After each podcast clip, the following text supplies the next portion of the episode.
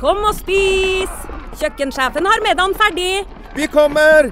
Vi skal bare Åh, det er da så morsomt her på Stiklestad! Ja, men sjøl en god viking må ha både mat og hvile. Og dessuten kan dere nå være noen dager. Velkommen til Scandic Stiklestad. Moderne fasiliteter i historiske omgivelser. Det var her det skjedde.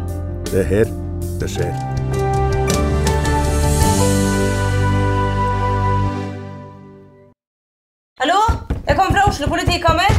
Ine Jansen er purk. Er du purk? The motherfucking bitch. Alt jeg vil, er å finne ut hva som skjedde med mannen min. Jon Carew. Er jeg sikta for noe? Iben Akeli. Det er du. Ole So, Lars Berrum og Big Daddy Karsten. Hvem sin side er du på, egentlig? Anette Hoff, Tone Danielsen, Kommer du fra Afrika? Jørnis Josef, Nesten. Kløfta. Trond Espen Seim, Det er synd å si det, men det var feil mann som døde. Purk. Premiere tirsdag på TV2 Play.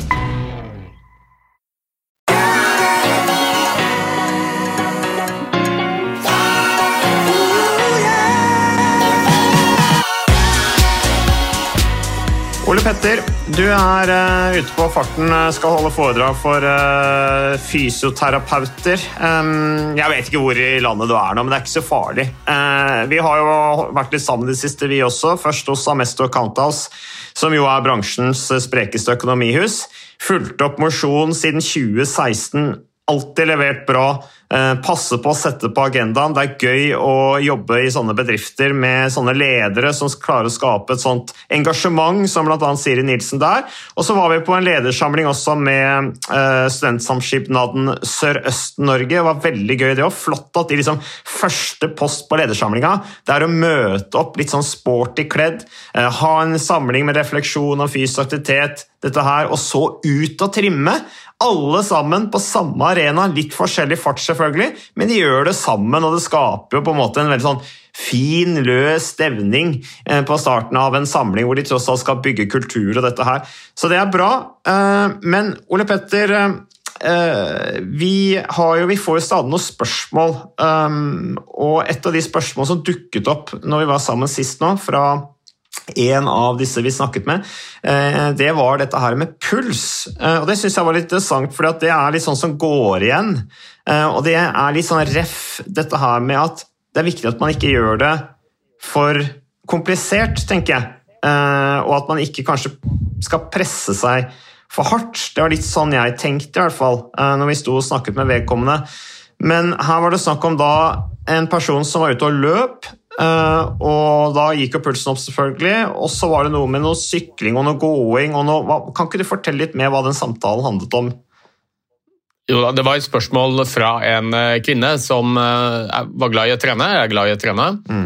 Løp mest, og um, løp ofte en femkilometersrunde. Og opplevde nok at hun da jobbet med moderat til høy intensitet.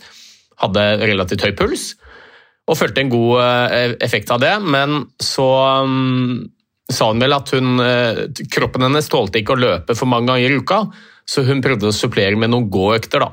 Som- Eh, Men ønsket å få ja, Som jo er veldig fornuftig, Ole Petter. Å gjøre det. Altså Ja, ha balanse.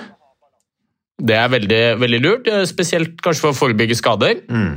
Eh, Så hun eh, Men da hun gikk, så klarte hun ikke å få opp pulsen skikkelig, til tross for at hun eh, lesset på med vekter og blylodd. og eh, så hun syntes det var litt rart at hun ikke klarte å få opp pulsen, og hun gikk eh, samtidig som hun egentlig følte seg ganske subjektivt sliten. Så det var spørsmålet hvorfor blir pulsen så mye lavere når jeg går, selv om jeg egentlig føler meg like sliten som når jeg løper? Ja. Det var spørsmålet. Kan jeg bare komme med en sånn antagelse? Det har vel noe med at du kanskje ikke bruker eh, samme spenst og eksplosivitet når du går, uansett om du lesser på med vekter som når du løper. Det blir på en måte en litt sånn jevnere, litt mer sånn nedpå flyt. Den der spretten du får med å jogge og løpe, gjør kanskje at, at det blir eh, en tøffere belastning på hjertet. Jeg vet ikke, hva, hva, hva svarte du egentlig på spørsmålet hennes? Det jeg svarte var at eh, altså, løping er jo veldig mye mer energikrevende enn å gå. Eh, og jo mer energikrevende det er, jo, mer, jo høyere puls trenger vi for å kunne gjennomføre arbeidet. Og så handler det nok litt om hva, hva vi er vant til. Hvis du er løper og god til å løpe, så, så er det relativt lett eh, å få opp eh, pulsen. Så brukte jeg et eksempel fra min egen eh, fortid som, idrettsutøver. Eh, Jeg har jo løpt mesteparten av livet, og har ikke noe problem med å komme opp til 90-95 av makspuls når jeg løper. Nei. Men så ble jeg skada, så begynte jeg å sykle. Og jeg har jo ikke syklet like mye som jeg har løpt. Og, og da merket jeg at eh, jeg følte meg ekstremt sliten, men pulsen gikk ikke særlig opp. Altså, jeg hadde mye lavere puls enn da jeg øh, løp, men jeg følte meg ak akkurat like sliten ved syklingen som ved løpingen. Og det handler nok mye om at jeg ble muskulært sliten og hadde ikke sykkeløkonomi eller kraft nok i beina til å, til å klare faktisk å komme opp på en like høy puls. Så, så det er nok litt sånn eh, avhengig av hva du er best til, og hva kroppen din er mest vant til. Mm, ja, Det er liksom med testing og sånn fysiologiske tester og sånn? De som prøver å gjøre en O2-test på sykkel, og de som gjør det på tredemølle og sier at de får mye mer ut av det når de løper, men det har jo noe med litt hva du er vant til og hva muskulaturen er, er utviklet til over tid. Da. Sånn For min del så ville jo den O2-test vært bedre på en sykkel enn på en løping f.eks. Men eh, det er nå eh, greit nok. Men det er i hvert fall flott med, med hun du snakket med, Ole Petter, som kombinerer det å gå og, og, og, og, løpe. Å legge inn gåøkter mellom løpeøktene er, er, er, bra, men du kan ikke ha den samme forventningen til eh, pulsbelastning på tross av at du kanskje legger på vekter med vektvest og sånne ting. Og det tror jeg kanskje er like greit, fordi at du trenger ikke å ha høy puls på hver eneste økt du, du gjør. Nei, jeg vil jo si at uh, Du bør ikke ha høy puls på enhver økt du gjør, uh, uansett om målet ditt er å prestere bedre. Det vet jo du. um, Eller om det er å ha god helse eller velvære for den saks skyld. Så, så er jo helsegevinsten og prestasjonsgevinsten er jo knyttet opp mot intensiteten Mm. du jobber med. Og, og litt enkelt sagt, jo høyere intensitet, uh, jo større helsegevinst og prestasjonseffekt. Men du kan ikke trene hardt hver dag. Kroppen trenger tid til å restituere seg. Så Derfor er det viktig med de rolige øktene imellom. Og Det tror jeg faktisk er eh, en viktig grunn til at mange underpresterer, av de som er toppidrettsutøvere, eller iallfall supermosjonister, kanskje spesielt. Som, eh, hvor veldig mange av øktene går i høy intensitet med lite tid til restitusjonen restitusjon imellom. Eh, Så jeg pleier å si det at eh, hvis du ønsker å trene hardt for helsas skyld eller prestasjonens skyld, så tren gjerne hardt. Det er kjempebra, men da må de rolige øktene gå rolig. Og Da snakker vi type pratefart eller ikke sant, prateintensitet.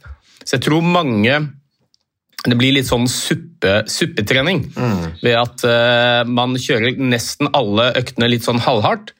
Og da har man ikke energi eh, til å trene skikkelig hardt når man skal det.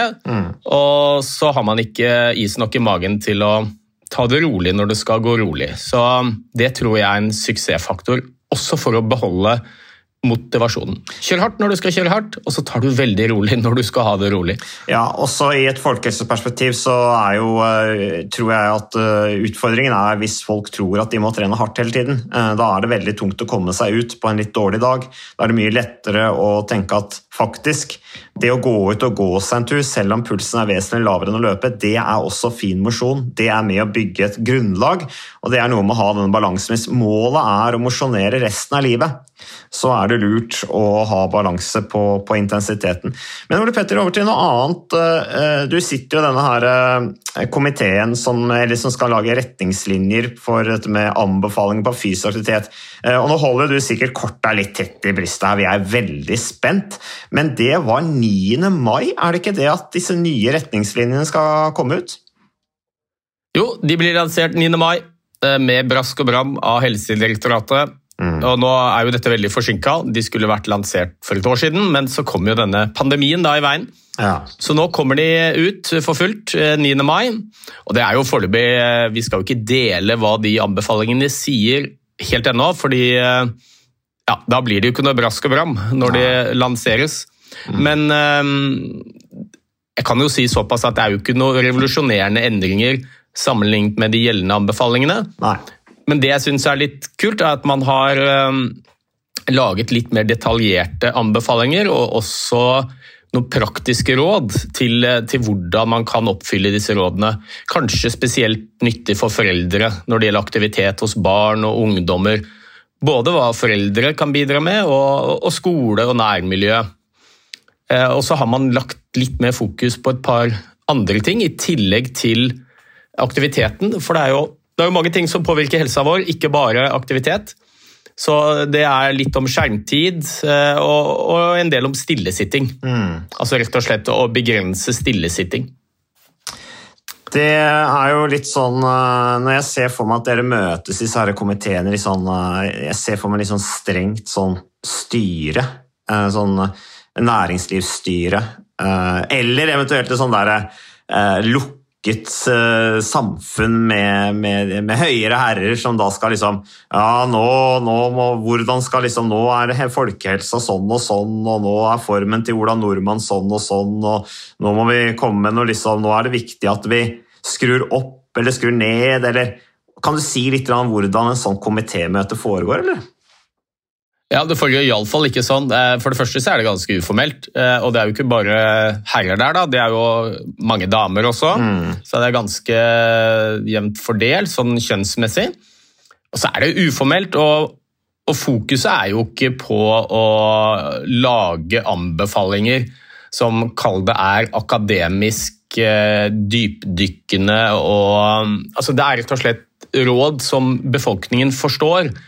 Eh, Og fokus på hvordan man skal få det til, og, og prøver å ha lite sånn pekefinger. Altså Det er det viktigste. Hvordan kan, vi, hvordan kan disse rådene det er mye mer enn en oppsummering av hva forskningen viser. Eh, Det er, eh, det er noen råd og anbefalinger med mål om at det skal bli lettere for folk flest til å komme i litt mer aktivitet. Både barn, unge, voksne og eldre.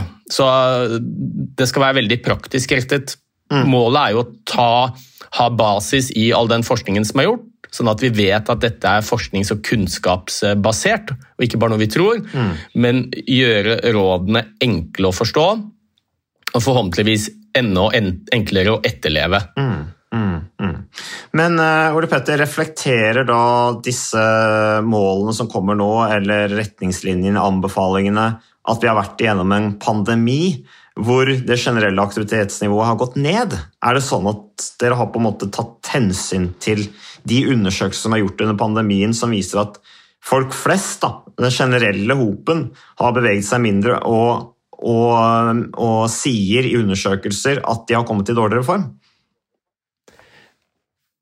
Ja, tja er vel det beste svaret jeg kan gi. Eh, Disse norske anbefalingene bygger på Verdens helseorganisasjon sin eh, ganske omfattende rapport, som egentlig er en sum av all den forskningen som er gjort de siste årene. Mm. Og mye av dette er jo gjort før pandemien kom.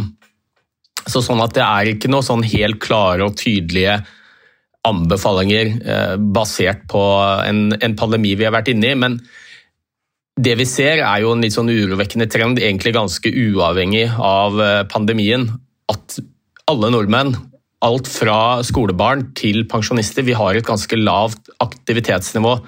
eh, Og, my og mye tyder på at det er synkende. Så, ja, så derfor er det ekstra fokus eh, i de nye anbefalingene, også på at f.eks. alle monner drar. Vi er ikke noe sånn helt rigide på at ja, anbefalingen er 150 minutter i uka. Det er, det er jo de gjeldende anbefalingene for voksne. Men det betyr ikke at du må ha 150 minutter. Abs absolutt alle monner drar. Eh, Beveg deg. All bevegelse er bedre enn ingen bevegelse. Og at man ikke skal ha noe dårlig samvittighet eh, hvis man ikke klarer å nå de 150 minuttene. Som kan være enkelt for noen og, og virke helt uoverkommelig for mange. Så målet er at dette skal være en lavterskelanbefaling. Mm.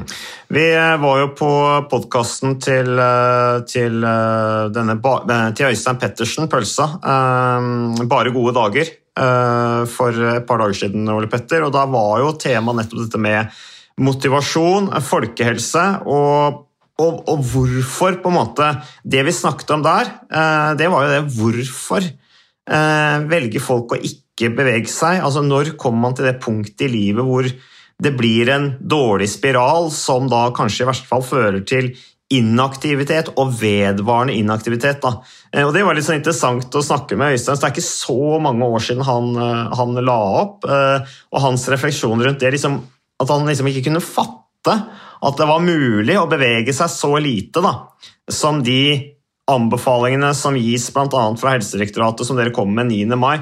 Og det er jo veldig lite aktivitet. Ole Petter, og Jeg viste til en undersøkelse der i, i Storbritannia som viser at én av fire menn og én av fem, fem, kvinner beveger seg mindre enn 30 minutter i uka.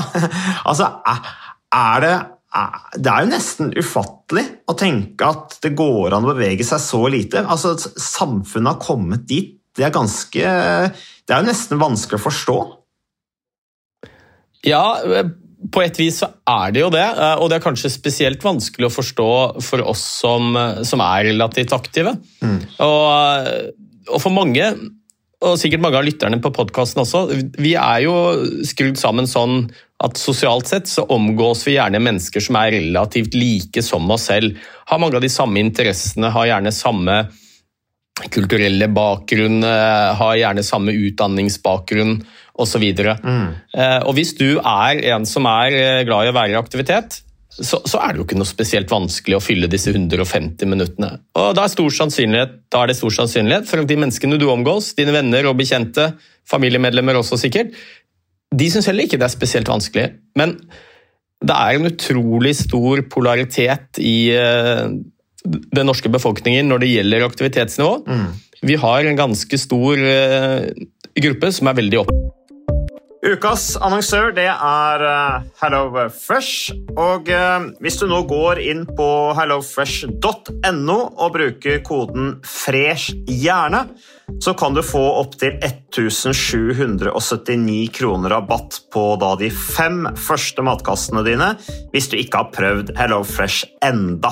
Og Ole Petter, vi er jo glad i Hello Fresh i podkasten Jernsterk, selvfølgelig fordi at de er en annonsør. De er med og bidrar til å spre det glade ordet om fysisk aktivitet og god helse, men i tillegg så har jo vi også nå lang erfaring med Hello Fresh eh, selv. Så vi må jo si at det har vært gode erfaringer til nå. Ja, absolutt. Visste du Mats, at HelloFresh er faktisk verdens ledende matkasseleverandør? og Tilbudene til HelloFresh gjør det enkelt å lage gode og varierte retter som skaper matglede. Og matglede vet du, det er like viktig som hva du putter i munnen. Det å spise mat med folk du trives med. Så gjennom 25 nye og inspirerende retter hver uke så bidrar HelloFresh til dette. Du kan bestille ekstra porsjoner om du får gjester, eller hoppe over uke hvis du f.eks. skal bort. Mm. Og Det er ingen bindingstid, og du velger leveringstidspunkt og dag selv, så leverer Hello Fresh matkassen din akkurat når det passer deg. Ikke dårlig, Mats.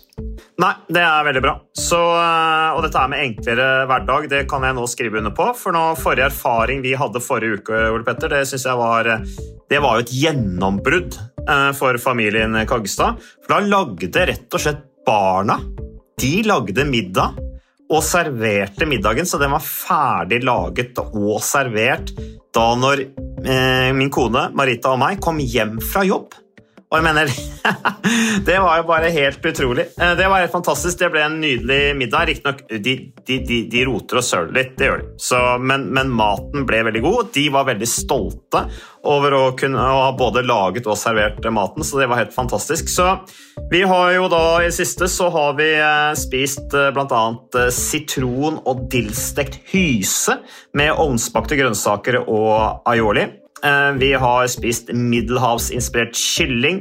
Taco så finnes det mange ulike typer taco, f.eks. vietnamesisk taco, som vi har spist. Thailandsk vegetargryte. Veldig riktig og sunt uh, i dagens uh, samfunn med, med, fokus på bærekraft. Hvitløk og chilistekte reker i spagetti, det var definitivt en vinner. Så det er så flott. Du får rimelig mat ved at du kun betaler for det du trenger, så det blir ordentlig feststemning med Hello Fresh. Det gjør det, og nå er det bare for deg å gå inn på hellofresh.no og bruk koden 'fresh gjerne'. Da får du opptil 1779 kroner rabatt på de første fem matkassene dine hvis du ikke allerede har prøvd HelloFresh. Du kan også bruke rabattkoden hvis du har stoppet abonnementet ditt for tolv måneder siden eller mer. Er det noe å lure på? Håper maten smaker godt. Bon appétit! Tatt av å være i aktivitet, ta vare på sin egen helse, holde seg i god fysisk form. Eh, med forskjellig motivasjon for det, men veldig ofte så er det velvære. Mm. Ha det bra, eh, som er hovedmotivasjonen.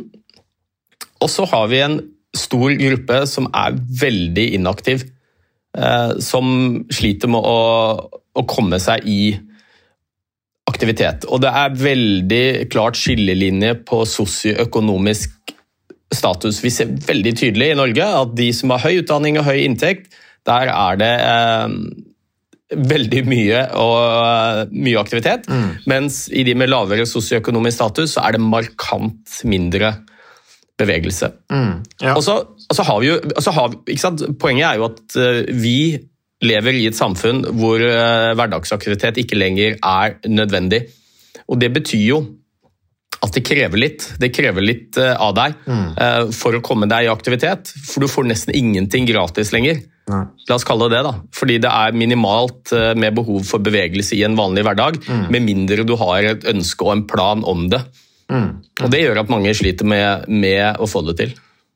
Ja, og øh, Vi har jo snakket litt om bærekraft. i forbindelse med at Bærekraft er et veldig sånn begrep nå som brukes mye. En del bedrifter må levere bærekraftsrapporter sånne ting for å være med i anbud. Eh, Vi jobber jo stadig mer med det i næringslivet også, med hvordan fysisk aktivitet, mosjon, er en del av den helhetlige bærekraften. Eh, Logisk på punkt tre, som jo er helse. Mosjon er noe av det mest helsefremmende du kan gjøre, altså passer det veldig bra i det bærekraftsmålet. Men utjevning av forskjeller er jo også ganske viktig, altså, eh, og der er jo helse eh, ganske vesentlig. For det som du sier, det blir en sånn Du er inne på det, det blir jo en ond spiral når det er en slik polarisering at store grupper med lavere eh, sosioøkonomisk status da i tillegg får stadig dårligere helse. Eh, så, så, så er jo det veldig skadelig for utviklingen eh, til de det gjelder. Og der er det jo også dette med helse, bevissthet, motivasjon. Det er jo en del av det å utjevne forskjeller, det også, i hvert fall på de, i de eh, samfunn da, hvor det faktisk er mulig å gjøre noe med, som f.eks. F.eks. Norge. Så Der er det en jobb å gjøre på samfunnsnivå, så da blir det spennende å følge med på disse her eh, retningslinjene som kommer, Ole Petter. Ja, og det, der er du jo inne litt på kjernen i utfordringen også, denne polariseringen og skjevfordeling av helse. Bl.a. fordi det er veldig skjevfordelt når det gjelder aktivitetsnivå og kosthold og søvn, røyking, alle disse faktorene som påvirker helse. De er utrolig skjevfordelt i samfunnet. Så jeg tror jo at hvis vi virkelig skal få et løft i folkehelsa, altså få folk flest til å komme i bedre fysisk form, ha bedre helse, leve lenger og bedre, så må vi virkelig jobbe på de arenaene hvor vi treffer alle. Fordi veldig mange av disse tiltakene vi gjør, og disse nasjonale anbefalingene er jo ikke noe unntak. De treffer aller best der hvor de trengs minst. Altså det vil si De som er mest opptatt av disse anbefalingene og vet mest om dem, det er de som allerede er i mye fysisk aktivitet. Og så treffer de dårligere på den gruppen som ville hatt den største gevinsten ved å bevege seg litt mer. Og sånn gjelder, Det er liksom den store eh, utfordringen da, eh, når vi driver med forebyggende arbeid. Hvordan skal vi nå fram til de som vil ha den største gevinsten ved å gjøre noen endringer? Eh, og Det er jo derfor jeg tror det er så utrolig viktig å bruke de arenaene vi har i samfunnet hvor vi når alle. Mm. Sant? Og da er jo selvfølgelig barnehage, skole eh, superviktige, men også arbeidslivet. De aller fleste nordmenn er i jobb. Eh, Og der treffer du alle, uavhengig av sosial klasse, utdanning, inntekt osv. Så, videre. så det, der tror jeg litt av nøkkelen ligger. Vi må bruke de arenaene hvor vi treffer alle nordmenn, for å jobbe og snakke om eh, folkehelse og fysisk aktivitet. Da. Ja, og det er jo ikke sånn at vi bare jobber med finans og bank og høyutdannelses eh, arbeidsplasser f.eks. Vi jobber jo også med produksjonsselskaper hvor det ikke er like høy grad av, av eh, utdannelse f.eks., men hvor allikevel lederne eh, skaper engasjement og motivasjon og bevissthet hos de ansatte. og der er det jo liksom Lederrollen er viktig der i forhold til prestasjon, men også i forhold til dette med bærekraft og samfunnsansvar og de tinga der. Ja, og Dette synes jeg var litt kult. Du eh, sa at vi var på SSN, Studentsamskipnaden i Sørøst-Norge, som vi jobber med. eh, Når det gjelder oppfølging av mosjon og bevegelse på arbeidsplassen. Og Der hadde jo vi en treningsøkt som vi begge var med på, Mats. Og den var ikke i begynnelsen av dagen, den var et par timer inn i dagen. og Vi sa ikke så mye om hva vi skulle gjøre for noe på den økta, men det var helt åpenbart at absolutt alle som var der, de ansatte, de lurte litt på hva er det vi skal gjøre på denne treningsøkta. Mm. Og det var mange som grua seg. Og jeg snakket litt med dem, og de sa det, ja, de var litt redde for at de skulle være i dårligst form, og de følte ikke noe ønske eller behov for å bli skikkelig slitne, og lurte på hvor hardt vi skulle bevege oss og alt dette her. Og så satt vi jo i gang, og det var jo et veldig enkelt opplegg. Vi tusla i 10-15 minutter, og så fant vi en liten motbakke hvor folk skulle enten løpe hvis de ville det, eller gå. Og du kunne bestemme farten helt sjøl. Men det som var litt morsomt å se, det var jo at det var jo så mye blide ansikter. Og veldig mange av de som på forhånd hadde sagt du vet hva, jeg har ikke tatt på meg treningstøy, men jeg blir med, men jeg tar det veldig pent. Altså, De ga jo jernet. Eh, og sa etterpå vet du hva, jeg hadde egentlig bare tenkt kanskje å se på eller være med litt. Men fader, det var jo så gøy, og når jeg først satte i gang, så var det jo så deilig å bli litt sliten. Ja. Så, det er, så, så dette viser jo også litt av hvordan vi, vi påvirkes av menneskene rundt oss. Hvis vi klarer å skape et eller annet som har litt lav terskel for å bli med, eh, så er vi faktisk genetisk kodet til å synes at dette er ganske artig. Spesielt når vi gjør det sammen med andre. Så, det, så dette var jo et godt eksempel at det var en, eh, var en sånn positiv eh, påvirkning hos mange, da, ved at de så at kollegene gjorde det samme, hadde det gøy. Ja, det var rett og slett eh, en høydare. Ja, og det er sånn typisk å se at mange er sånn engstelige eh, og redde for hva de skal være med på, når det da er snakk om en treningsøkt. Eh, men, men, men terskelen, når terskelen er lav, skal alle være med, og vi drev jo til og med på sånn vekttrening uten vekter, Ole Petter, og det var jo egentlig tungt nok, men hele poenget med det var jo bare at du fikk stimulert blodsirkulasjonen og strukket litt på deg og fått oksygen til hodet. Og vi hadde først en teoriseanse med deg, ut og trene, og så teoriseanse med meg. Og det er ikke sikkert den teoriseansen med meg ville vært så bra hvis ikke vi hadde vært ute først og fått på en måte ladet opp det mentale energinivået, fått ut litt fysisk energi. De satt jo som skolelys der, alle sammen, og hørte på etter Ja, den gymøkta, ikke sant? Ja, men Det var ganske kult, for jeg gjorde et poeng av å, å prøve å se litt på ansiktsuttrykkene til de som satt der før vi dro ut for å bevege oss. Og de, var, de fulgte jo med, men du så at det var ikke noe sånn Hvis det var sånn energimeter her, så var det kanskje på fem, fem av ti sånn i, eh, i snitt. Og så hadde vi denne økta. Så tok vi en ti minutters pause, og så gikk vi inn og hadde en ny sånn teoriøkt. Og det var jo helt elektrisk stemning en hel time etterpå. Som du nøt god nytte av. Og så hadde du selvfølgelig et veldig bra foredrag. da. Jo da, takk, men jeg surfa Men- på den. Jeg gjorde det, altså. Jeg surfa på den med medgangsbølgen som kom etter fysisk aktivitet. Så det er jeg takknemlig for at jeg fikk den andre timen der. Normalt sett så ville den vært tung hvis ikke du hadde hatt fysisk aktivitet imellom.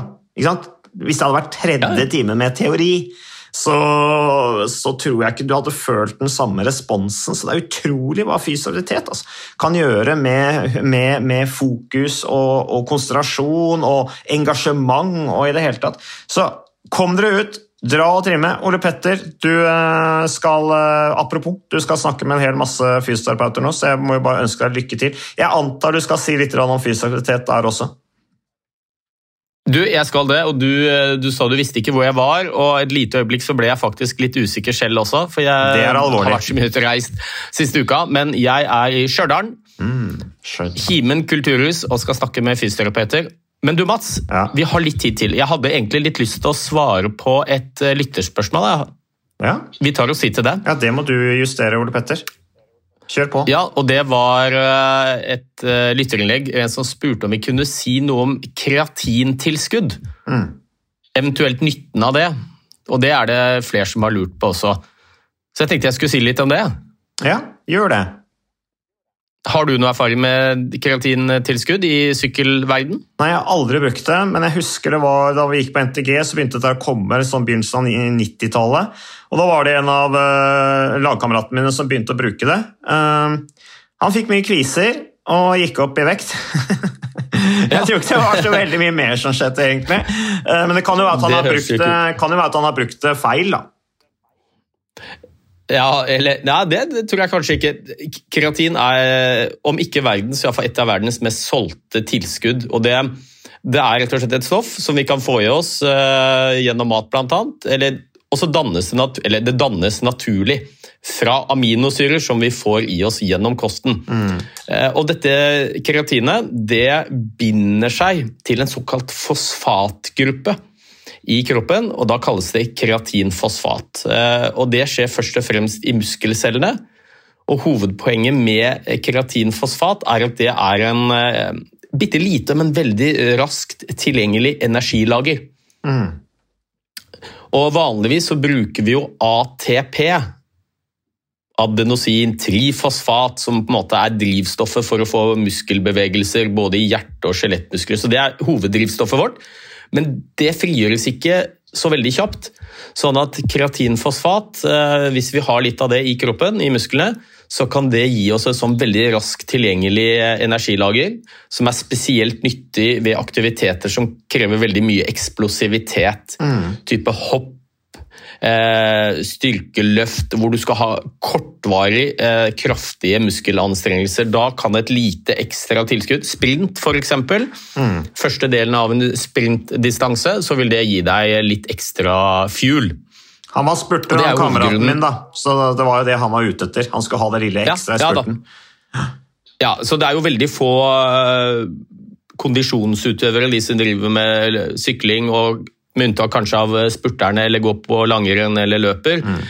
så er ikke kreatinfosfat noe veldig vanlig tilskudd. Men det er først og fremst i øvelser hvor du trenger mye eksplosivitet med kortvarige anstrengelser.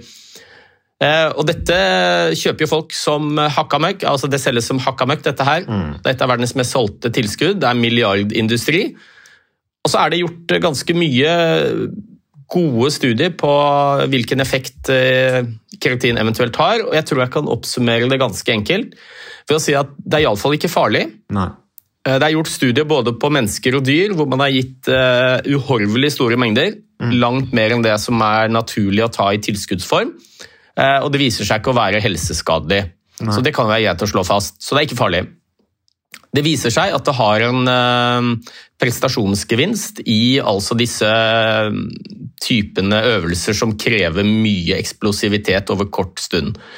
Sprint, eh, hopp, kast, eh, styrkeøvelser. Men eh, en av de tingene kreatinfosfat gjør, er at det binder mye vann.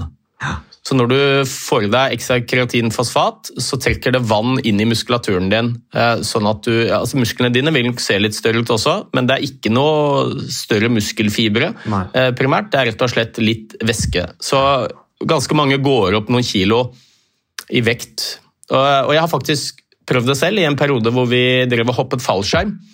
Og da, da er det litt viktig at vi eh, faller ca. like fort, og da er det greit å ha omtrentlig samme vekt. Å ja. Og jeg, var, og jeg var lettvekteren på laget, så jeg fikk beskjed om at jeg måtte bygge litt uh, masse. Så da trente jeg som før, men tok litt uh, kreatintilskudd. Og da gikk jeg ganske kjapt opp fra 70 kg til 75 Mm. Det kunne du gjort med en vektvest òg, da, Ole Petter. Ja, eller bare spist på Mækkern. Men, eh, Ja. jo da, men eh, jeg hadde, jeg hadde vektvest uh, i tillegg, men det er litt sånn ekstra belastende for kroppen. Det er, den sitter bare på ett sted, og det Ja, er litt ubehagelig og knote, knotete å bruke. Sånn at uh, ja, det kan ha en effekt, eh, spesielt på disse eksplosive øvelsene, mm. men det gjør at du går litt opp i vekt. Og så er det et annet poeng, og det er at for 30% av de som tar kreatintilskudd, så har det ingen effekt. Eh, og Det er rett og slett eh, fordi de spiser mat eh, som gjør at vi lager tilstrekkelig med kreatinfosfat til å fylle de lagrene uten å ta tilskudd. Som andre kreatinfosfat er kun nyttig hvis du har et kosthold som gjør at du ikke lager naturlig nok av dette stoffet. Så det betyr at er lageret ditt fullt fordi du spiser sunt og variert, så har du ikke noe behov for kreatin. Eh, Fisk og, fisk og kjøtt er de beste kildene til kreatin for øvrig. Sånn at eh, hvis du eh, spiser litt variert kosthold og får i deg to til tre fiskemiddager i løpet av eh, en uke, så, så vil vel jeg si at da har du ikke noe behov for dette tilskuddet, og det vil sannsynligvis ikke ha noen effekt heller. Han var flott, Ole Petter, at du tok et lyttespørsmål sånn på tampen av podkasten. Da sier jeg takk først og fremst til alle lytterne våre. Eh, Takk til samarbeidspartnerne våre. Takk til deg, Ole Petter, for at du kunne bidra sånn i en hektisk hverdag. Og vi kommer tilbake vi, med mer podkasten Jernsterk neste uke. Hei da!